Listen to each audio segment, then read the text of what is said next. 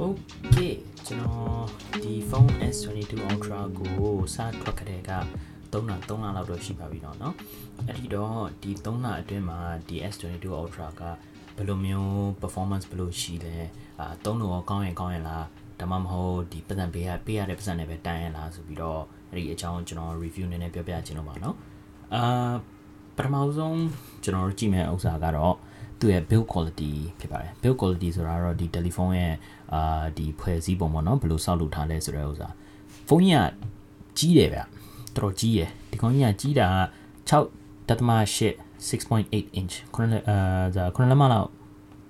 ရှိတယ်ဗျဖုန်းကြီးကနဲတာကြီးမဟုတ်ကြီးပဲအဲ့တော့ ဒီလက်သေးတဲ့လူတွေအတွက်ကတော့တိတ်ပြီးတော့ဟိုမဖြစ်ဘူးပေါ့နော်ဒီတစ်ဖက်ထဲသုံးကျင်တဲ့လက်တစ်ဖက်ထဲနဲ့သုံးကျင်တဲ့တယ်လီဖုန်းသုံးကျင်တဲ့လူတို့ဘာလို့ညာလို့ဆိုရင်တော့အခက်ခဲတော့နည်းနည်းရှိနေမယ်ဒါပေမဲ့ဒီဖုန်းကသူက aluminum frame နဲ့သူကလုပ်ထားတာဗျာပြီးတော့သူကအရှိအောင်အနောက်ကောသူက glass နှစ်ခုစလုံးဆိုတော့နှစ်ခုစလုံးကသူမှန်နေပဲဒီဖန်နဲ့ပဲလုပ်ထားတာဆိုတော့လက်ထဲမှာကတော့ဖီဖီကတော့တော်တော်ကောင်းတယ်ဗျဘယ်လိုမျိုးလဲဆိုတော့ဒီလက်ထဲမှာကန်ရတွဲရတာတွေရောပြီးတော့သူက screen อ่ะဗျာအာ ဒီသူကခုံခုံလေးဒီ curve လုပ်ထားတယ်ဆိုတော့လက်မတွေအဲလက်မတွေပြောမယ်အာဒီလက်ဖွားပါညာကိုသူကနည်းကြာကြာကင်ထားလို့ရှိရင်လည်းမနာဘူးပေါ့နော်ဖုန်းကနောက်တစ်ခုကလေးတယ်တော်တော်လေးတယ်အာ229 gram ဆိုတာ229 gram ဆိုတာတော့ဒီပေါ့နော်ဒီ229ကအဲ့လောက်ကြီးအဲ့လောက်ကြီးမရှိဘူးလို့တော့ထင်တာပဲတိုးတော်လဲသူကအာလက်ထဲမှာကင်လိုက်တဲ့အခါကျလို့ရှိရင်တော့နည်းလေးလိမ့်မယ် အာလေးတဲ့ဥစ္စာတခြားတယ်လီဖုန်းတွေပါညာနဲ့ရှင်လိုက်ဥပမာ iPhone တို့ဘာလို့ညာလို့ဆိုလို့ရှိရင်တော့အာသူ့ရဲ့အများကြီးပေါ့တယ်ဒီဖုန်းကြီးကသူကကြီးတယ်ကြီးတယ်လေးလဲလေးတယ်အဲ့တော့ဟိုမှာကျွန်တော်ခုနကပြောလို့မျိုးပဲပေါ့နော်ဒီလက်တစ်ဖက်ထဲနဲ့သုံးမဲ့လူတွေအတွက်ကြတော့နည်းနည်းတော့ um နည်းနည်းတော့အခက်အခဲတော့ရှိနေမှာလားအပြီးတော့ကျွန်တော်တို့ဒီပိုင်း screen အကြောင်းပြောခြင်းနဲ့ဗျဒီ screen ရဲ့ brightness ကတ ကယ်တမ်းပြောလို့ဆိုလို့ရှိရင်ဒီအလင်းဆုံးဒီ telephone ထဲမှာအလင်းဆုံးလို့သူကတော့ကြော်ညာထားတာတော့ဟိုဒါဗာလဲအဲ Samsung ကတော့ကြော်ညာထားတယ်ပေါ့နော်အာအထူးသဖြင့်သူက adaptive mode ဆိုတာရှိတယ်ဗျာကျွန်တော်တို့ auto brightness ခေါ်တာပေါ့နော် auto brightness လုပ်တဲ့အခါမှာကြတော့အာသူကအဲသူကဒီအလင်းကဟိုမှောင်နေလိုမျိုးလင်းနေလိုမျိုးအဲ့လိုမျိုးအချိန်တွေမှာသူက automatic သူက adjust လုပ်ပေးတာဒီ screen brightness ကို အဲ့ဒီဥစ္စာမျိုးလုပ်ထားတဲ့အချိန်မှာနေပူထဲမှာဒရိုက်ကြီးကြည့်နေလို့ရှိလို့ရှိရင်တုံးစံတိုင်းဆိုဗျာ screen ကမှိန်နေတယ်ဆိုရင်လို့ရှိရင်နေပူထဲမှာတိတ်ပြီးတော့မမြင်အောင်ပေါ့နော်တချို့တချို့ဖုန်းတွေဆိုလို့ရှိရင်သတိတော့သတိထားမိမှာပေါ့ဒါပေမဲ့ဒီဒီ Samsung S22 ဖုန်းကဒီ S22 Ultra ကအဲ့ဒါမျိုးအခြေအနေတွေမှာသူကပို့ပြီးတော့သူက screen ကိုသူကလင်းအောင်လုပ်ပေးမယ်လို့သူက design လုပ်ထားတာပေါ့နော်ဒီအာဒါပေမဲ့တခုတခုသိရမှာတော့ဒီဥစ္စာသူတို့ adaptive brightness ဖွင့်ထားတဲ့အချိန်မှာပဲ သူကသူ့ဘာသူ automatic လုပ်ပေးတာကျွန်တော်တို့ဘာသာကျွန်တော်တို့အာသွားပြီးတော့ဒီပေါ့နော်အစဒီ brightness အလင်းအလင်းအောင်ဘယ်လောက်ရှိလဲဆိုတော့ဒီဘားနဲ့သွားပြီး adjust လုပ်လို့မရဘူးသူရဲ့ maximum နဲ့ထားထားတဲ့ဥစ္စာတော့မှသူကပို့ပြီးတော့လင်းနိုင်သေးတယ်ဒါပေမဲ့ကျွန်တော်ကျွန်တော်သုံးတဲ့အချိန်မှာအဲ့လောက်ကြီးတန်းမလုပ်ဖြစ်ပါဘူးဗျသူရဲ့ဖုန်းကအမ်ပြောလို့လို့ချင်းသူ့ဘာသူလင်းမိသားတော်တော်တော်တော်ကြီးလင်းတယ်အဲအထူးဖြင့်ကျွန်တော်တို့ကဟိုဗာလဲ indoor ပဲတုံးတာပေါ့နော် indoor ပဲတုံးတဲ့အခါကျတော့အာဒီမှာဒီရုံးမှာပဲတုံးတုံးဒါမှမဟုတ်မှအိမ်မှာပဲတုံးတုံးလင်းတယ်လုံလောက်တာတော်တော်လင်းပြီးသားအာကျွန်တော်တဝက်နော်အရင်လင်းတဲ့အချိန်တွေတောင်မှကျွန်တော်တဝက်လောက်အထိပဲသွားတာဒီအပြည့်ဟိုအပြည့်ဟို brightness ပါ brightness ဆိုကျွန်တော်လုံးဝမတင်လိုက်ရဘူးအာတဝက်လောက်ပဲသွားပြီးတော့ အဲ့ဒါမျိုးဆိုလုံလောက်ပြီဗျကျွန်တော်ထုံးစံအတိုင်းဆိုလို့ရှိလို့ရှင်ဒီလေးပုံတစ်ပုံလောက်မှာပဲဒီ brightness ထားထားတာတချို့နဲ့ကြပါလဲတချို့အချိန်တွေညဘာညာသုံးနေဆိုလို့ရှိလို့ရှင်အဲ့ဒီရဲ့တောင်မှပို့ပြီးတော့လျော့သေးတယ်အဲ့လောက်ကြီးမလိုဘူးဗျအဲ့တော့ तू က of course ဟိုကြော်ညာထဲမှာလှုပ်ထားတာကတော့ရှိရှိတာတော့ကောင်းတာပေါ့နော်ဒါပေမဲ့တကယ်သုံးလားကျွန်တော်လည်းမသုံးပြဘူးအာအဲ့ဒါကတော့ brightness အပိုင်း brightness အပိုင်းအပြင်ဒီ telephone ကဘာလဲဆိုတော့အဲ့ ဖုန်းတွေအကုန်လုံးထဲမှာအကောင်းဆုံးထဲမှာအကောင်းဆုံး screen တွေထဲမှာပါတယ်အာသူများတွေသုံးရတဲ့ iPhone တို့ဘာလို့ညာတော့လဲဒီ Samsung ကသူ့ရဲ့ screen ကို Samsung ကလုပ်ပေးတာအာအဲ့တော့သူ့ဖုန်းသူကြတော့ Samsung ကအကောင်းဆုံးပဲထည့်တယ်လीဟုတ်လားသူများရောင်းတာကတော့သူ့ရဲ့အဲ့လောက်ကြီးကောင်းတဲ့ဥစ္စာမရောင်းမရောင်းတာတော့မရောင်းဘူးပေါ့နော်အဲ့တော့ဒီဒီ Samsung telephone ရဲ့ဒီ screen တွေကအခု S22 Ultra လည်းအတူတူပဲဒီမှာဗီဒီယိုကြည့်တဲ့အချိန်ဒါမှမဟုတ်အာကင်းကစားတဲ့အချိန်ဘာညာဆိုလို့ရှိရင် color တွေကလည်းရှိလဲလှတယ်ဗျာလင်းတဲ့ဥစ္စာ လင်းတဲ့နေရာအကုန်လင်းတယ်အာမှောင်တဲ့နေရာရှိလဲမှောင်တယ်အထူးသဖြင့်ဒီ AMOLED screen ဖြစ်နေတာပေါ့နော်အဲ့တော့ဒီ color တွေကရှိလဲကောင်းတယ်ဗျာလုံးဝလုံးဝလှတယ် အထူးသဖြင့်ဟိုဓာတ်ပုံရိုက်တဲ့အချိန်တို့ဘာလို့ညာဓာတ်ပုံတွေပြန်ကြည့်တယ်သူများဓာတ်ပုံတွေကြည့်တယ်ကိုဓာတ်ပုံကိုကြည့်တယ်ဆိုလို့ရှိရင်ဒီ screen နဲ့ကြည့်လို့ရှိရင်တကယ်ကိုလှတာเนาะကျွန်တော်ကျွန်တော်လိုယုံမျိုးတော့မှသူ့ဘာသူ auto ပို့ပြီးတော့ချောလာလာဒီ screen မှာကြည့်ရရှင် um okay အဲ့ဒီဥစ္စာပြောရလို့ရှိရင်ပေါ့နော် အာကျွန်တော်ခုနကတော့ဒီ adaptive ဟို screen brightness ကိုကျွန်တော်ပြန်ပြောပြောချင်တာပေါ့အာကျွန်တော်ပထမဆုံးသုံးနေတဲ့အချိန်တော့ဒီ auto သူကကျွန်တော်ဖွင့်ထားတာဖွင့်ထားတာကလည်း import ဟိုအပြင်းထူလို့ပေါ့ဗျာပြောလို့ရှိလို့ရှိရင်ဟလာလင်းတဲ့အခါကျလို့ရှိရင်သူ့ဘာလို့ auto မြင့်ပေးတယ်ပေါ့ပြောလို့ရှိရင်မှောင်နေတဲ့အခါကျလို့ရှိရင်သူ့ဘာလို့ဒါအလင်းကို short ပေးတယ်ပေါ့ brightness ကို short ပေးတယ်ပေါ့ဒါပေမဲ့အဲ့ကောင်ကတော်ပြဿနာရှိတယ်ရှိတယ်ဆိုတော့ဘာလဲဆိုတော့သူက screen ကိုသူကအမြဲတမ်း adjust လုပ်နေတော့ လိုအပ်တာတွေပို့ပြီးတော့ adjust လုပ်တာ။ तू ကကျွန်တော်တို့ဘယ်လောက်လိုတယ်ဆိုတဲ့ဥစ္စာကိုထင်ပြီးတော့ तू adjust လုပ်ပေးတဲ့အတွက်တခါလေကြားလို့ရှိရင်ကျွန်တော်တို့ကမလိုအပ်ဘူး။ဒီမှာဒီအလင်းအောင်ကအာမဒါပါတိတ်ပြီးတော့တိတ်ပြီးတော့လင်းစရာမလိုဘူးဗျာဟုတ်လားကျွန်တော်ပြောပေါက်လာမသိအဲ့တော့အဲ့ဒီတိတ်ပြီးတော့အာလင်းစရာမလိုဘူးကျွန်တော်တို့ကလုံးလုံးလောက်လောက်လင်းပြီးသားဥစ္စာကို तू ကသွားပြီးတော့မြင့်တင်တယ်ဆိုလို့ရှိရင် battery စားရတယ်ဗျ။ battery စားတဲ့အခါကျတော့ तू က battery ကပို့ပြီးတော့ရော့လာအောင် အာဘက်ထရီအကြောင်းကတော့ကျွန်တော်နောက်ပိုင်းမှပြောမယ်ဒါပေမဲ့အာလောလောဆယ်ကတော့ဒီ screen အကြောင်းကတော့အဲ့ဘက်ထရီစားတယ်ဆိုတော့အာဥစ္စာတော့တစ်ချက်တော့သိတယ်ပေါ့နော်ဒီဒီ S22 Ultra ဝယ်တဲ့အခါကျလို့ရှိရင်ဒီ S22 Ultra မဟုတ်ပါဘူးဗျာတခြားဖုန်းတွေလည်းအဲ့ဒါမျိုးပြဿနာရှိရှိမှာပေါ့နော်အဲ့တော့နည်းနည်းပါးပါပေါ့တခါလေကြောက်ချင်းကိုယ့်ဘက်ကို adjust လုပ်တာပိုကောင်းတယ်လို့ထင်တယ်ဗျ။ um အဲ့ဒါပြီးတော့ဒီဖုန်းကဘာရှိသေးလဲဆိုတော့အာ120 Hz refresh rate အဲ့တော့ အရှင်းဆုံးပြောရလို့ရှိလို့ရှိရင်တော့ပို့ပြီးတော့ smooth ဖြစ်တယ်လို့ခံစားရတယ်ဗျဒီ screen ကဘာဖြစ်လဲဆိုတော့ refresh rate ကများနေတော့သူကဒီ app တွေဟိုဘက်ဒီဘက်အာပြောင်းတာတို့ဒါမှမဟုတ်မှာ home screen မှာပဲ scrolling လုပ်တဲ့ဥစ္စာတို့ဘာလို့ညာစိတ်ထဲဥစ္စာပို့ပြီးတော့ smooth ဖြစ်တယ်ဆိုပြီးတော့ခံစားရတယ်ဗျတကယ်တမ်းလည်းပို့ပြီးတော့ smooth ဖြစ်တာပါဟလားအရင်တော့တယ်လီဖုန်းတွေက 60 Hz display နဲ့သူကလာကြတော့အဲ့လောက်ကြီးကိုအာအဲ့လောက်ကြီး smooth ဖြစ်တယ်လို့ပေါ့မထင်အောင်ပေါ့ အဲ့ဒီ screen နဲ့ brightness အကြောင်းပြီးတော့ကျွန်တော် software အကြောင်းလေးနည်းနည်းပြောချင်တယ်ဗျဒီ S22 Ultra က Android software နဲ့သူက run နေတာပါအခုလောလောဆယ်က Android 12အဲ့ဒါပြီးသွားလို့ရှိရင်ဒီ Samsung ကလည်းသူက software update က၄နှစ်သူကပေးမယ်လို့သူကကတိပေးထားတယ်ပေါ့အာ၄နှစ် software update ပေးမယ်ပြီးသွားလို့ရှိရင်၅နှစ် security update လို့ပေးမယ်အာအဲ့ဒါကဘာလို့ဘာဖြစ်လို့ဘာဖြစ်လို့မှအရေးကြီးလဲဆိုတော့ သူကနောက်ထပ်၄နှစ်အထိ software update ကပူစရာမလိုဘူးပူစရာမလိုဆိုတော့သူတို့ software အသစ်တွေလာတယ် Android version ကအသစ်တွေလာတယ်ဆိုလို့ရှိရင်သူကဒီ Samsung ကပဲသူ့ဘာသူပေါ့နော်ဒီသူရဲ့ One UI ကိုသူ့ဘာသူ update လုပ်ပြီးတော့ကို update လုပ်ပေးမယ်အဲ့ခါကျလို့ရှိလို့ရှင်ဒီ software အသစ်လည်းကိုယ့်ဘာကိုသုံးကြည့်လို့ရတယ်အဲ့ဒီဥစ္စာအပြင်ဒီ software အသစ်ကပါတဲ့ပစ္စည်းတွေပေါ့နော်အဲပါတဲ့ feature တွေပါလည်းအကုန်လုံးသုံးလို့ရတာပေါ့အာဒါပေမဲ့လည်းကျွန်တော်ပြောလို့ရှိရင်တော့ Samsung software ထုံးစံတိုင်းက သူကပို့ပြီးတော့များတာသူရဲ့ software feature တွေကပို့ပြီးတော့များတာဥပမာ multitasking တို့အဲ multitasking တို့ split screen တို့ဘာလို့ညာလို့ဆိုလို့ရှိရင်အရင်ဆုံးအရင်ဆုံးစပြီးတော့လုပ်တဲ့ဥစ္စာ Samsung ကစလုပ်တာလုပ်တဲ့ဥစ္စာကိုသူက Google ကသွားပြီးတော့သူ့အကြံဉာဏ်ယူပြီးတော့သူက update လိုက်လုပ်တာဗျာဟုတ်လားအဲကျွန်တော်ပြောနေတာကတော့ဒီ Samsung phone ရဲ့ software ကအာ feature လို့ကျွန်တော်ရှိရင်တော့သူကအများကြီးပါပြီလားအဲ့ဒီဥစ္စာပြင်ဒီ One UI ကလုံးဝကြီးကိုဟိုပေါ့နော်အရင် smooth ဖြစ်အောင်သူက ဒီ optimize လုပ်ပြီးသားအဲလုပ်ပြီးသားဆိုတော့သူကဒီရုံးကသူ့ဘာသူမှာကောင်းကောင်းတဲ့ကောင်းအောင်လုပ်ထားတော့အကုန်လုံးကပြဿနာမရှိဘူး lag ဖြစ်တာလည်းမရှိဘူးဖုန်းကထစ်တာလည်းမရှိဘူး app တွေအကုန်လုံးပွင့်တယ် app တွေအကုန်လုံးပွင့်ပြီးတော့ဒီ app တွေ crash ဖြစ်တဲ့ဥစ္စာလည်းမရှိဘူးအာပြဿနာတက်တဲ့ app တွေလည်းမရှိဘူးအရင်တော့ဆိုလို့ရှိရင်ဗျာဒီမှာဖြစ်တတ်တယ်ဗျာဒီမှာဖုန်းဟောင်းနေဆိုလို့ရှိရင်အာအရင်တော့ဆိုလို့ရှိရင်ဒီ Android က laggy ဖြစ်တာတော့ဟလာဒီမှာထင်နေတဲ့ဥစ္စာဆိုတော့အဲ့တော့ iPhone ကပိုကောင်းတာတော့ဘာလို့လဲဆိုပြီးတော့ဖြစ်တတ်တယ်ဖြစ်တတ်တော့ ဒီအကြောင်းอ่ะပေါ့နော်ဒီအာ Android ကတိတ်ပြီးတော့မကောင်းဆိုပြီးထင်ရောဗျာအာဒါပေမဲ့အခုချိန်ကြတော့အများကြီးယူကွာပါ යි အာအခုလုံးဝဒီ One UI Android 12နဲ့ One UI ကလုံးဝကြီး smooth ဖြစ်တယ်ဟလားဘယ်လောက်ထိ smooth ဖြစ်လဲဆိုတော့အာ Google ကကိုယ်တိုင်ထုတ်တဲ့ Pixel 6 Pixel 6 Pro ဆိုလို့ရှိလို့ရှိရင်ဗျာအာအခုရက်ထိသူက bug တွေများနေတယ်အခုရက်ထိပြဿနာတွေဖြစ်နေတယ်ဆိုပြီးတော့အကုန်လုံး reviewer တွေကပြောနေကြတယ်ဗျာအဲ့ကောင်နေတဲ့တော့မှပို့ပြီးတော့ဒီ S22 Ultra stable ဖြစ်တယ်ဗျာအာလုံးဝမဲ့ဥစ္စာတွေအကုန်လုံးအလုပ်လုပ်တယ်အာပွင့်ရမယ့်ဥစ္စာတွေအကုန်လုံးပွင့်တယ်ထည့်လည်းမထည့်ဘူးအဲ့တော့ software ကအဲ့လိုမျိုးအဲ့ဒီဥစ္စာအပြင်သူက9နှစ် security update သူကပေးမယ်ဆိုပြီးတော့ Samsung ကလုပ်ထားတာအာ9နှစ် security update ဆိုတာကတော့သူတို့ ဖုန်းတွေကို hack လုပ်တယ်ဗျာဟုတ်တယ်လား hacking hacking လုပ်တယ်ဆိုတာတော့ကြားဘူးမှာပေါ့နော်အာဒီ hacking လုပ်တာတို့ဒီ password တွေမှာခိုးတာတို့ဘာလို့ညာတို့အာရှိကြတယ်ဗျာအရင်တော့ computer တွေ hacking လုပ်တာအခု smartphone တွေအကုန်လုံးလည်းသူက hacking လုပ်တဲ့ဥစ္စာမျိုးတွေရှိတယ်အဲ့ဒီဥစ္စာတွေကို security update တွေကလိုက်ပြီးတော့ update လုပ်ပေးတာအဲ့မှာဖုန်းကပို့ပြီးတော့ပေါ့နော်ဟို update မဖြစ်ပါဘူးပေါ့အဲ့ခါကြလို့ရှိရင်ဒီ security update တွေလုပ်ထားတဲ့အတွက်အတွက်သူတယ်လီဖုန်းကို hack hack လုပ်လို့မရဘူးပေါ့နော်ပို့ပြီးတော့ခက်ခဲတာပေါ့လုပ်လို့မရဘူးတော့မဟုတ်ဘူး အာပို့ပြီးတော့ခက်ခဲတာပေါ့နော်သူကသူအဲ့ security update တွေသူက9နှစ်ဖိုးတော့ပေးပါဗျာ9နှစ်9နှစ်လုံးစိတ်ချလက်ချသုံးပေါ့ဟုတ်လားတဘောကတော့ဒါပေမဲ့9နှစ်လောက်ဒီတယ်လီဖုန်းသုံးတယ်ဆိုတာလည်းအခုခေတ်မှာနည်းနည်း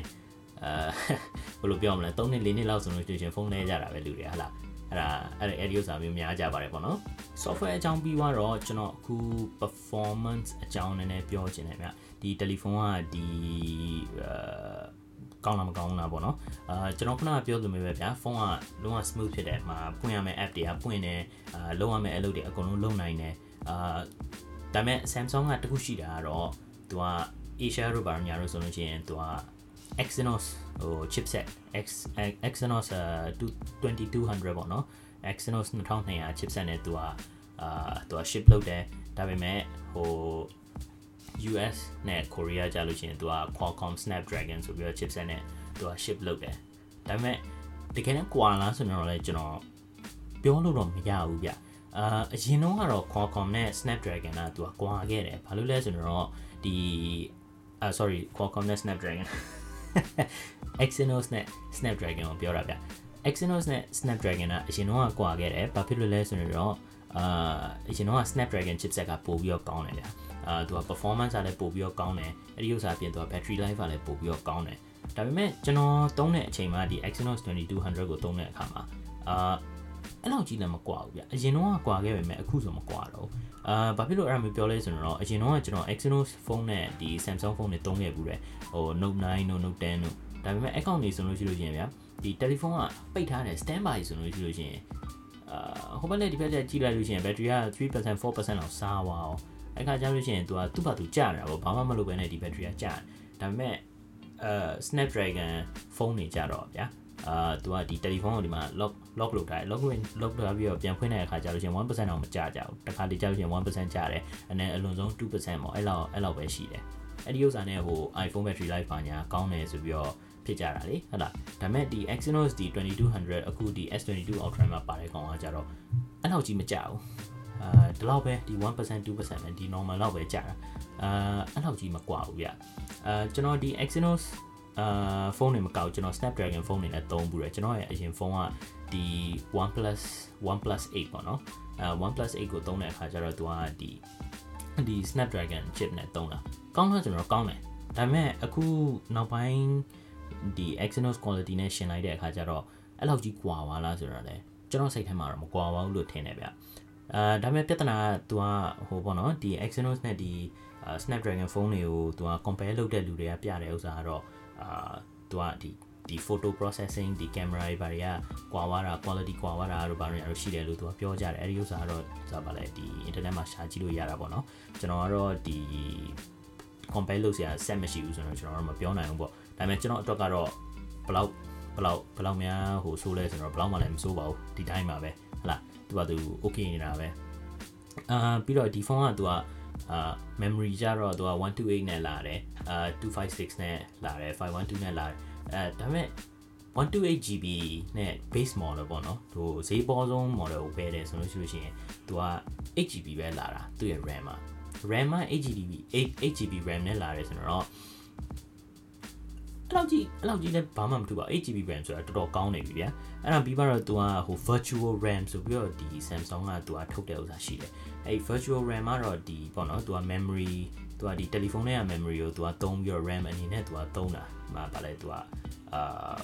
preserve လုပ်ထားတာပေါ့ဒါပေမဲ့အာကျွန်တော်ကကျွန်တော်ဝယ်တဲ့ဖုန်းက 256GB အဲ့တော့ကျွန်တော် 12GB RAM ရှိတယ်အာဒါပေမဲ့ 128GB နဲ့အာ 8GB RAM မှာလည်း ထုံးစံတိုင်း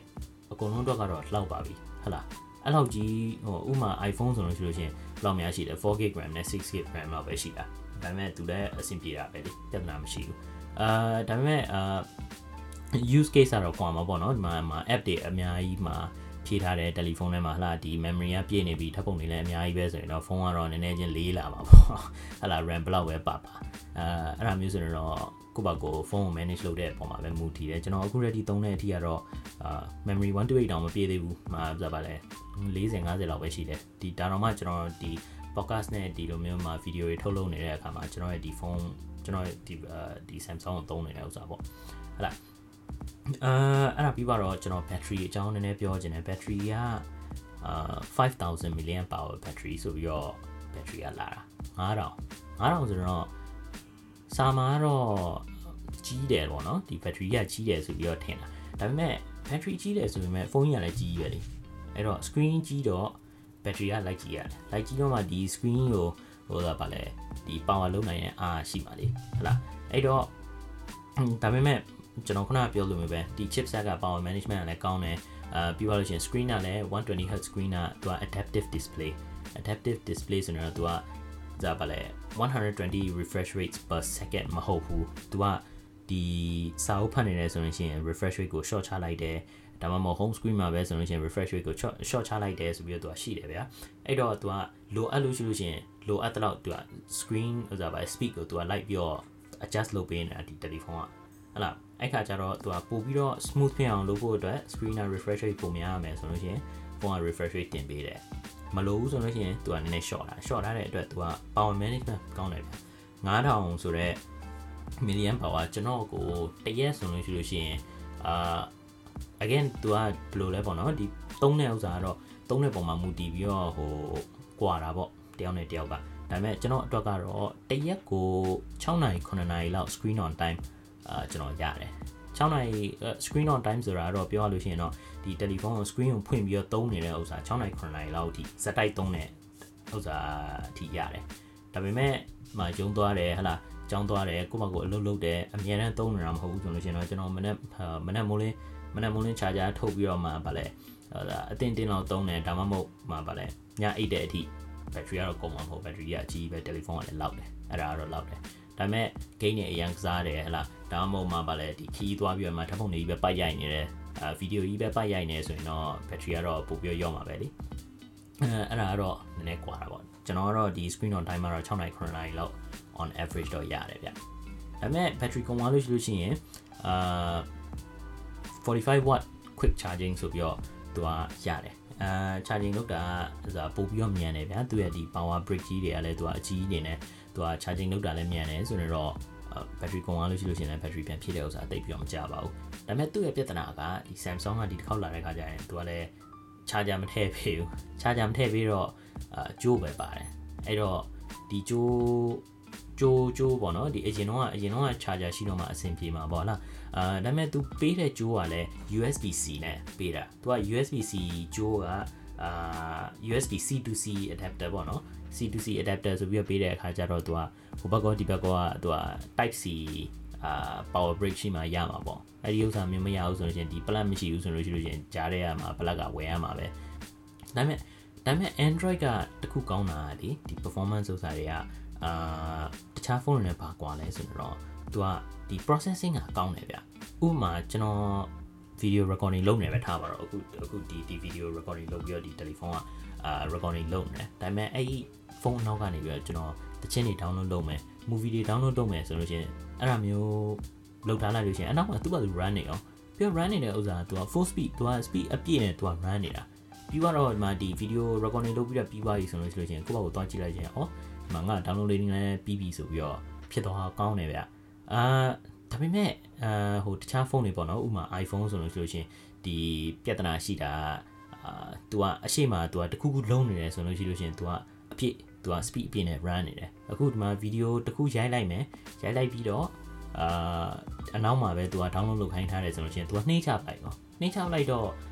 အဲ့လောက်ကြီးမကောင်းတော့ဘူးလေကျွန်တော်တို့ကမှဗါလဲဒီခါလေးကြားလို့ရှိလို့ရှိရင်လည်းဒီ app ကြီးကိုဖွင့်ထားပြီးတော့ဒီ download လုပ်ဖို့စောင့်နေဖို့ကအချိန်မှမရှိတာဟလား download လုပ်ခိုင်းပြီးတော့ကျွန်တော်နောက်တစ်ခုခုလုပ်ချင်တာပေါ့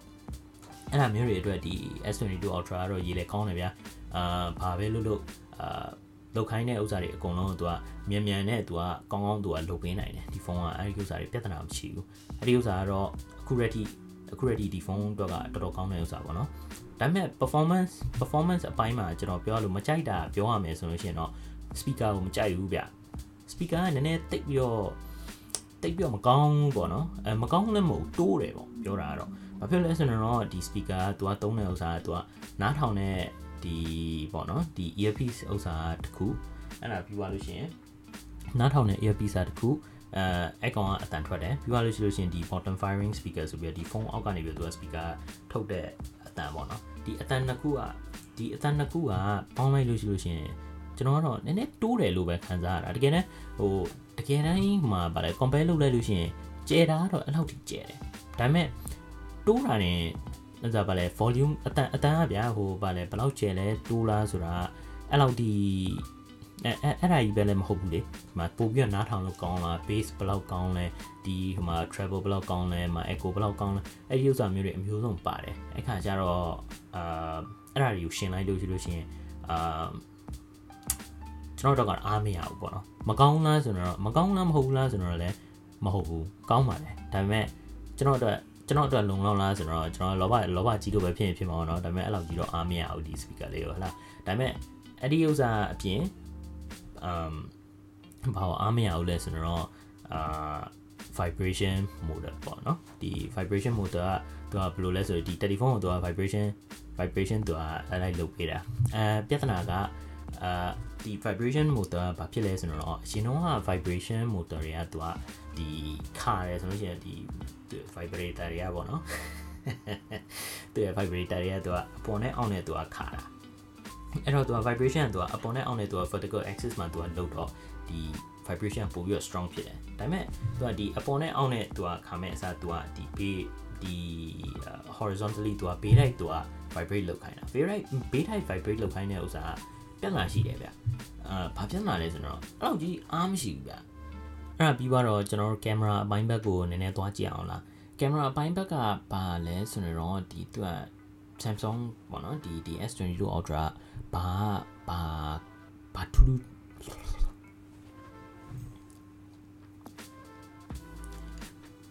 ကျွန်တော်တို့ပြီးတော့ S22 Ultra ရဲ့ဒီကင်မရာအပိုင်းကိုသွားကြအောင်ပေါ့ကင်မရာကတော့ဘာထူးခြားလဲဆိုတော့ကင်မရာအကောင်းဆုံးဖုန်းတွေထဲမှာပါတယ်ဗျ Android ထဲမှာဆိုလို့ရှိရင် အာသူ့ရဲ့အထူးခြားအထူးခြားဆုံး feature ကတော့ဒီ100 times zoom ညာသူက zoom ကိုအခါတရလောက်ဆွဲလို့ရတယ်အာသူကဆယ်စားလားအခါတရအစတရလောက်ပို့ပြီးတော့ကြီးလို့ရတယ်ပေါ့နော်ဟလာဒီမှာစကားကလည်းတက်အဲ့တော့အာသူကဘာဖြစ်လဲဆိုတော့သူကအဝေးကနေပြီးတော့သူကလှမ်းမြင်လို့ရတယ်ဗျာကျွန်တော်တို့ဒီ binocular မှန်ပြောင်းနဲ့ကြည့်နေတဲ့ပုံစံမျိုးပဲအာအဲ့လောက်ထိအဲ့လောက်ထိကိုသူက quality ကသူကအာ အဲ့လောက်ထိ zoom ဆွဲလို့ရတယ်ပေါ့နော်အာ zoom ဆွဲလို့ရတဲ့အကြောင်းအဲ့ဒီအဲ့ဒီဥစ္စာကတော့ကျွန်တော်ဖုန်းဖုန်းဝင်တော့တော့ပေါ့အဲ့လောက်ကြီးမသုံးပြဘူးဆိုပြီးတော့ထင်တာပေါ့ဒါပေမဲ့ကျွန်တော်သွားပြီးတော့ဖုန်းဝင်လိုက်တဲ့အချိန်မှာအဲ့ဒီဥစ္စာတော်တော်သုံးတာများတယ်ဗျဥပမာတစ်ပင်မောကငှက်ကြည့်တာတော့ဟလာအာအဝေးကြီးကနေပြီးတော့ကျွန်တော် sign board တွေပိုင်းမှာဖတ်နိုင်တာပါညာဆိုပြီးတော့လှမ်းပြီးတော့ဒီ camera နဲ့ zoom နဲ့လှမ်းဆွဲလိုက်လို့ရှိရင် sign board တွေပိုင်းမြင်ရတယ်အဲ့ဒါမျိုးကတော့ကျွန်တော်သုံးပြတာကတော့များတယ် အာတခြားကင်မရာတွေကိုပြောရတယ်ဆိုလို့ရှိရင်တော့ဒီ front facing camera တို့ဒီအနောက်ကကင်မရာမျိုးစုံပါညာတော့အာကင်မရာဒီတယ်လီဖုန်းရဲ့အနောက်မှာလည်း၄လုံးပါတယ်အရှိမလုံးအားလုံးပေါင်း၅လုံးကင်မရာတွေကတော့အများကြီးပဲဒါပေမဲ့အခုခေတ်ကျတော့အဲ့လောက်ကြီးစိုးစိုးရွားရွားကင်မရာဆိုတာကတော့ smartphone မှာကတော့ရှားခက်တယ်ဗျအာအကုန်လုံးကတော့ကင်မရာအလင်းအောင်လုံလောက်အောင်ပေးလို့ရှိရင်ကောင်းတဲ့ကင်မရာတွေကြီးပဲအဲ့ဒီဥစ္စာအပြင်သူက photographer ဒီ cameraman ကကောင်းတယ်ဆိုလို့ရှိလို့ရှိရင်ဘယ်လောက်ပဲကင်မရာပဲဖြစ်ဖြစ်အကုန်လုံးကတော့လှပအောင်တော့ရိုက်နေတာပေါ့ကျွန်တော်ကလည်းအာအဲ့လိုကြီးဓာတ်ပုံရိုက်တာမကောင်းတော့ကင်မရာကောင်းပြီမဲ့လည်းကျွန်တော်ပုံတွေကတလို့ရများအဲကင်မရာအပြင်မဟုတ်ကြာကင်မရာမန်အပြင်အာအဲ့ဒီဥစ္စာအပြင်ဗျာအာနောက်တစ်ခုပါရှိတယ်ဆိုတော့အလင်းအောင်မလုံလောက်တဲ့အချိန်ညကြလို့ရှိလို့ရှိရင်မှောင်တဲ့အချိန်ကြလို့ရှိရင်တော့နည်းနည်းကင်မရာပြဿနာရှိတယ်အာဓာတ်ပုံရိုက်တဲ့ဥစ္စာမှမဟုတ်ဘူးဗီဒီယိုရိုက်တဲ့ဥစ္စာမှာ အာဗီဒီယိုရိုက်တဲ့အချိန်ကထုံးစံတန်းတော့မှာ Android နဲ့ iPhone နဲ့ရှင်လိုက်တဲ့ Apple နဲ့သူကနှစ်ခုရှင်လိုက်တယ်ဆိုဗီဒီယိုရိုက်တာတော့ iPhone ကအမြဲပိုကောင်းတယ်သူကအကြောင်းတွေကလည်းအာအကြောင်းတွေဆိုတော့သူ့ရဲ့ဒီဒီ camera ရဲ့ color တွေပေါ့နော်ဒီမှာ video ထဲမှာထွက်လာတဲ့ color တွေကပို့ပြီးတော့တဘာဝကြီးတိုင်းပို့ဖြစ်တယ်အာပြပါလို့ရှိလို့ရှိရင်သူက smooth လဲပို့ပြီးတော့ smooth ပို့ဖြစ်တယ်ဗျာပို့ပြီးတော့ချောချောမူမူဒီ video ကထွက်လာတယ်ဒါပေမဲ့ Android ကရှင်လိုက်တယ်ဆိုလို့ရှိလို့ရှိရင်တော့ iPhone နဲ့ အဲ့လောက်ကြီးရှင်လို့တော့မရဘူးပေါ့ဒါပေမဲ့လုံလောက်လားအဲ့အဲ့လောက်ကြီးအဲ့လောက်ကြီးအရေးကြီးလားဆိုတော့လဲကျွန်တော်ကျွန်တော်အတွက်ကတော့အဲ့လောက်ကြီးမဖြစ်ဘူးပေါ့နော် deal breaker မဖြစ်ပါဘူးပေါ့ဒီတယ်လီဖုန်းအတွက်ကအာဒါပေမဲ့အာပို့ပြီးတော့ကောင်းစေချင်လားဆိုတော့ကျွန်တော်တို့ပို့ပြီးတော့ကောင်းစေချင်တာပေါ့ဒါပေမဲ့အဲ့ဒါကတော့ဒီဗီဒီယိုအပိုင်းပေါ့ iPhone နဲ့ဒီဖုန်းနဲ့အဲ iPhone နဲ့ဒီဖုန်း iPhone နဲ့ဒီ S22 Ultra ပါကွာလဲဆိုတော့အာ तू က iPhone iPhone နဲ့မှာကြတော့ तू က Facebook မှာတွားပြီးတော့ camera direct Facebook ကနေပြီးတော့ဟို story တင်မယ်ဆိုလို့ရှိရင်အဲ့ကနေ direct တန်းတင်လိုက် quality ကအတူတူပဲ Instagram မှာတွားပြီးတော့ Instagram မှာနေပြီးတော့ direct တင်တင်ပြတ်နာမရှိဘူး quality အတူတူပဲဒါပေမဲ့ Android ပြဿနာက app တွေက optimize မလုပ်ထားဘူးမလုပ်ထားဘူးဆိုတော့သူက Facebook ကနေပြီးတော့ Facebook ကိုတွားပြီးတော့ ကျွန်တော် story တင်မယ်ပဲထားအောင်ကင်မရာကိုနှိပ်လိုက်တယ်နှိပ်ပြီးရိုက်လိုက်တယ်ရိုက်လိုက်တဲ့ထွက်လာတဲ့ quality ကကင်မရာကနေပြီးတော့တတ်တတ်သွားရတဲ့ quality နဲ့မတူဘူးဗျကွာတယ်အဲ့ဒီကွာတဲ့အပြင်ဟိုကောင်းကောင်းကွာတာမဟုတ်ဆိုစိုးစိုးကွာတာဘာလို့လဲဆိုတော့ဒီ camera app ကနေပြီးတော့ကျွန်တော်ရိုက်တယ်ဆိုလို့ရှိရင်ပို့ပြီးတော့ဓာတ်ပုံကလှလှထွက်လာတယ်ဒါပေမဲ့ Facebook ကနေပြီးတော့ဒါလိုက်သွားရိုက်တယ်ဆိုလို့ရှိရင် तू ကမလှပြန်ဘူး အကြောင်းတွေကအရန်လင်းသွားတာတော့အကြောင်းတွေကမကောင်းတခါလေကြားလို့လို့ရှင်ဟိုဗာလဲအာတိန်တိန်ကိုမြင်ကျင်တယ်မှာဒီမှာဗာလဲဟလာမူကောင်းငင်ကြီးကိုမြင်ကျင်တယ်ဆိုရင်ဖြူဖွေးပြီးတော့ထွက်လာတာတော့ဗာတော့အဲ့ဒါမျိုးပုံစံနဲ့ဖြစ်သွားတာအဲ့ခါကြားလို့ရှိလို့ရှင်အာမလှဘူးဗျာဟုတ်လားအဲ့တော့ဒီ S22 Ultra ရဲ့ဒီကင်မရာကြတော့ဘယ်လိုမျိုးကျွန်တော်ခံစားရလဲဆိုတော့ကျွန်တော်သုံးရတဲ့အခါမှာကောင်းလားဆိုတော့လည်းတော်တော်ကောင်းတယ်ဗျအာတ ခြားတခြားဖုန်းတွေနဲ့ရှင်လို့ရှိလို့ရှိရင်အာအများကြီးကောင်းပြီးသားဒီ Android ထဲမှာအကောင်းဆုံးဖုန်းမျိုးမျိုးအာနီးပါးဖြစ်နေပြီဗျာဒါပေမဲ့ဗီဒီယိုကိုဦးစားပေးပြီးတော့ဗီဒီယိုပဲရိုက်မယ်ဆိုလို့ရှိရင်တော့အာဒီဒီဖုန်းနဲ့ပို့ပြီးတော့တာတဲ့ choice iPhone တို့ဘာလို့ညာတော့နည်းနည်းပါးပါသွားပြီးတော့ဝယ်လို့ရတာပေါ့ဒါပေမဲ့ဓာတ်ပုံပဲရိုက်မယ်ဟလာတခြားဒီတယ်လီဖုန်းရဲ့ဟိုတခြားလုံးမဲ့ကိစ္စတွေပဲပေါ့နော်ပို့ပြီးတော့ Android မှာပို့ပြီးတော့လုံးနိုင်တဲ့ဥစ္စာတွေကပုံများတယ်လေ battery တက်ကြီးတယ်ဆိုလို့ရှိရင်တော့ S22 Ultra ကောင်းတာပေါ့လားဒါပေမဲ့အဲ့ဒီဥစ္စာမျိုးဒီဗီဒီယိုအပြင်များ S22 Ultra ကိုဘာဖြစ်လို့ဝယ်နိုင်မလဲဝယ်ခြင်းလဲပေါ့နော်တယောက်ကဘာဖြစ်လို့ဝယ်မလဲဆိုတဲ့ဥစ္စာကတော့အဓိက S Pen ကြောင့်ဖြစ်တယ် S Pen ကဒီ S22 Ultra မှာပဲပါတော့တယ် S Pen အကြောင်းနဲ့ပြောတယ်ဆိုလို့ရှိရင်ကျွန်တော်က3 3ပြစ်လားဆိုတော့ကျွန်တော်ကတော့3ပြစ်တယ် ဒီဖုန်းမှာပေါ့နော်အာဝယ်ကြတဲ့ကဘာဖြစ်လဲဆိုတော့ကျွန်တော်ကတခုခုပေါ့နော်မှတ်ထားတယ်မှာအရင်နဲ့အကြောင်းလည်းရှိတယ်ဆိုလို့ရှိရင်တခြားလူတွေကဒီဒီ app တွေမှာသွားပြီးတော့မှ typing လုပ်ပြီးတော့မှတ်ထားတာပေါ့ကျွန်တော်ကြတော့မှဗာလဲလက်နေရှည်ရတဲ့ဥစ္စာကပို့ပြီးတော့အာဘယ်လိုပြောမလဲကျွန်တော်ကျွန်တော်တော့ပို့ပြီးတော့အဆင်ပြေတာပေါ့ဘာဖြစ်လဲဆိုတော့ကျွန်တော်ကစာလက်နဲ့ချရေးလိုက်တယ်ဆိုလို့ဆိုရင်ပို့ပြီးတော့မှတ်မိတယ်ဗျအဲ့ခါကျတော့ကျွန်တော်ကဒီ S22 Ultra ရဲ့ဒီ S Pen နဲ့ အာ note ကိုရေးတဲ့ဥစ္စာတွေများတယ်အဲ့ဒါပြီးသွားလို့ရှိလို့ရှိရင်တယောက်နဲ့တယောက်နဲ့သူကစကားပြောမယ်အလုံးမှာဒါမှမဟုတ်ကြောင်းမှာဒါမှမဟုတ်တယောက်ကိုတခုခုရှင်းပြခြင်းလဲဆိုလို့ရှိရင် S Pen လေးထုတ်ပြီးတော့ပုံလေးပါလေးဆွဲပြီးတော့ရှင်းပြလိုက်လို့ရှိရင်ပို့ပြီးတော့ရှင်းတယ်ဗျာအာကျွန်တော်ရဲ့တကယ်ချင်းတွေထဲမှာလည်းอืมဘယ်လိုပြောမလဲအာတကယ်ချင်းတွေထဲမှာလည်းရှိတယ်ဒီ S S Pen နဲ့အာသူကဒီ remote camera shutter လောက်တာတော့ဟလားအာတကယ်တော့အများကြီးလုပ်လို့ရတယ်ဒီ S Pen နဲ့ဒီ S Pen feature တွေကတဘုံကြီးပဲမှာ အာဒါမဲ့ကျွန်တော်အထွတ်ကတော့သုံးပြလားဆိုတော့စာရေးတာလွယ်လို့အဲ့လောက်ကြီးတော့မသုံးပြဘူးအာပြပါလို့ရှိလို့ရှိရင်ဒီနောက်ဆုံးထွက်တဲ့ S Pen ကတော့ latest ကတော့ latest ပဲလေဟုတ်တယ်လားအာသူရဲ့အကောင်းဆုံး feature တွေပါမယ်ပြီးသွားလို့ရှိလို့ရှိရင်ဒီ latency ကလည်းလုံးဝယူနေတယ်အဲ့တော့ screen ပေါ်မှာရေးတဲ့ဥစ္စာကသူကစာရွက်ပေါ်မှာရေးနေရေးနေလို့ပဲသူကချက်ချင်းသူကဒီမှင်မှင်ရောစာရွက်ပေါ်မှာကြာနေတဲ့ပုံစံမျိုးထိသူကအဲ့လောက်ထိမြန်တယ်သူက smooth ဖြစ်ပြီးတော့ခံစားရတယ်အဲ့ဒါက S Pen ပဲအဲ့တော့ S Pen ကိုလိုအပ်တဲ့အခါကြာလို့ရှိရင်အာကျွန်တော်ကတော့သုံးပြတယ်ဒါပေမဲ့ S Pen မလိုအပ်ဘူးဆိုလို့ရှိရင်အာဆိုလို့ရှိရင်တော့ဒီ S22 Ultra ဟိုငွေပဲနဲ့နေမှာပေါ့နော်အဲဘာဖြစ်လဲဆိုဒီ S22 Ultra ဝယ်တဲ့ဥစ္စာကတော့ဒီ S Pen ကြောင့်ဝယ်တဲ့ဥစ္စာ reason ဖြစ်မှာပါလား so ကျွန်တော် so ကျွန်တော်ရဲ့ဒီနောက်ဆုံးအဆုံးသတ်တဲ့အနေနဲ့ပေါ့နော် S22 Ultra ကိုကျွန်တော်ဘယ်လိုခံစားရလဲဆိုတော့ဖုန်းကအကုန်ကောင်းတယ်အကုန်ကောင်းတဲ့အပြင်အာနောက်ပိုင်းပေါ့နော်ရှေ့လျှောက်ဒီ future proof လည်းဖြစ်တယ်သူက software update တွေလည်းအများကြီးလာအောင်မှာဒီသူအထက်ကသူရဲ့ specs specs တွေအကုန်လုံးကလည်းသူတို့ latest တွေပဲထည့်ထားတာဆိုတော့နောက်ထပ်၄နဲ့၅နဲ့အသာလေးသုံးလို့ရတယ်အာဒါပေမဲ့အဲ့လောက်ကြီးလည်းကောင်းပါလေဘာလို့လဲဆိုတော့ပေးတဲ့ဈေးကလည်းနည်းတာမဟုတ်တာအဲ့တော့ အာကျွန်တော်အမြင်ပေါ့နော်ကျွန်တော်ရဲ့အမြင်အကြံပေးချင်တာကတော့ S Pen လိုအပ်လား S Pen မလိုအပ်ဘူးဆိုလို့ရှိရင် S22 Ultra ဝယ်စရာမလိုဘူးဗျအဲဘာလို့လဲဆိုတော့ S Pen ကဒီ S22 Ultra မှာပဲရှိတော့တာ S Pen လိုအပ်တယ်ဆိုလို့ရှိရင်တော့ S22 ပဲအဲ့အဲ့ကောင်လွယ်လို့တခြားဖုန်းတွေမှာ S Pen မပါကြဘူးအာဒါပေမဲ့ S Pen မလိုအပ်ဘူးဆိုလို့ရှိရင်တော့ဒီနည်းနည်းနည်းနည်းဈေးသက်သာတာပေါ့အရှင်နှစ်က S21 Ultra ဝယ်လို့ရှိလို့ရှိရင်ဘာလို့လဲဆိုတော့ သူ့ရဲ့ specs ကဘာမှတိတ်กว่าတာလည်းမဟုတ်ဘူးဖုန်းက size ကလည်းအတူတူလောက်ပဲအာဒါပေမဲ့ S Pen မပါတာ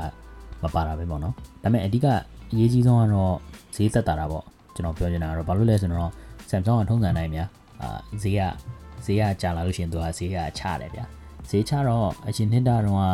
အရှင်နှစ်ကတော့ handset လိုမျိုး S21 Ultra ဆိုလို့ရှိလို့ရှိရင်ဈေးကတော်တော်သက်သာနေမှာအဲဒါကြောင့်ကျွန်တော်အမြင်မှာကတော့ S S22 Ultra ကြတော့ S Pen မလိုအပ်ဘူးဆိုလို့ရှိလို့ရှိရင်အာဝယ်စရာမလိုပါဘူးဒါပေမဲ့လည်းဟိုနောက်ပိုင်းပေါ့နော်ကျွန်တော်လိုမျိုးဒီရှေ့ချောက်ရှေ့ချောက်မှာ future proof လုပ်ချင်တယ်အာဒီ S အာဖုန်းကိုကြာရှည်သုံးနေတယ်ဆိုလို့ရှိရင်တော့ S22 Ultra ဝယ်လို့ရပါတယ်ဗျအာအဲ့ဒါကတော့အဲ့ဒါပါပဲအားလုံးကျွန်တော်ရဲ့ဒီဗီဒီယိုကြည့်ပေးတာကျေးဇူးအများကြီးတင်ပါတယ်ကျွန်တော်ရဲ့ဒီ S22 Ultra ရဲ့ review ကလည်း အာမိတ်ဆွေတို့ဖုန်းဝယ်တဲ့အခါကျတော့ကျွန်တော်လည်းအထောက်အကူအာဖြစ်ပါစေလို့ကျွန်တော်စိတ်ထဲကတော့အာဖြစ်ပါစေတော့ဗျာဟုတ်လားအဲအဲ့ဒါပြီးတော့လို့ရှိရင်ကျွန်တော်ကျွန်တော်လည်းဒီနောက်ဆုံးဘာဖုန်းဝယ်လဲဆိုတာလည်းနည်းနည်းပါပြောကြည့်ပေါ့ဒီ comment ထဲမှာပါညာဘာဖုန်းဘာဖုန်းသုံးနေလဲဘာဖုန်းနေအာကျွန်တော်ထပ်ပြီးတော့ review လုပ်အောင်လဲဒါမှမဟုတ် technology ကိုကြည့်လို့ချင်တာပါညာဆိုတာလည်းအကုန်လုံးအာကျွန်တော် comment ပေးလို့ရပါတယ်ပေါ့နော်အာ ထားပါပဲကျွန်တော်ကဘာမှတိတ်ပြလဲပြောကြမှမရှိတော့ပါဘူးကျွန်တော်ပြောမှနိုင်ရော6လောက်တော့ကြာပြီလားအာအဲ့လောက်တီတီအာအဲ့လောက်ကြီးတီနားထောင်ပေးတဲ့အတွက်လည်းကျေးဇူးများတင်ပါတယ်အာအဲ့မျိုးဆိုတော့ရှင်နောက်ဗီဒီယိုကြတွေ့ကြတာပါဗျာ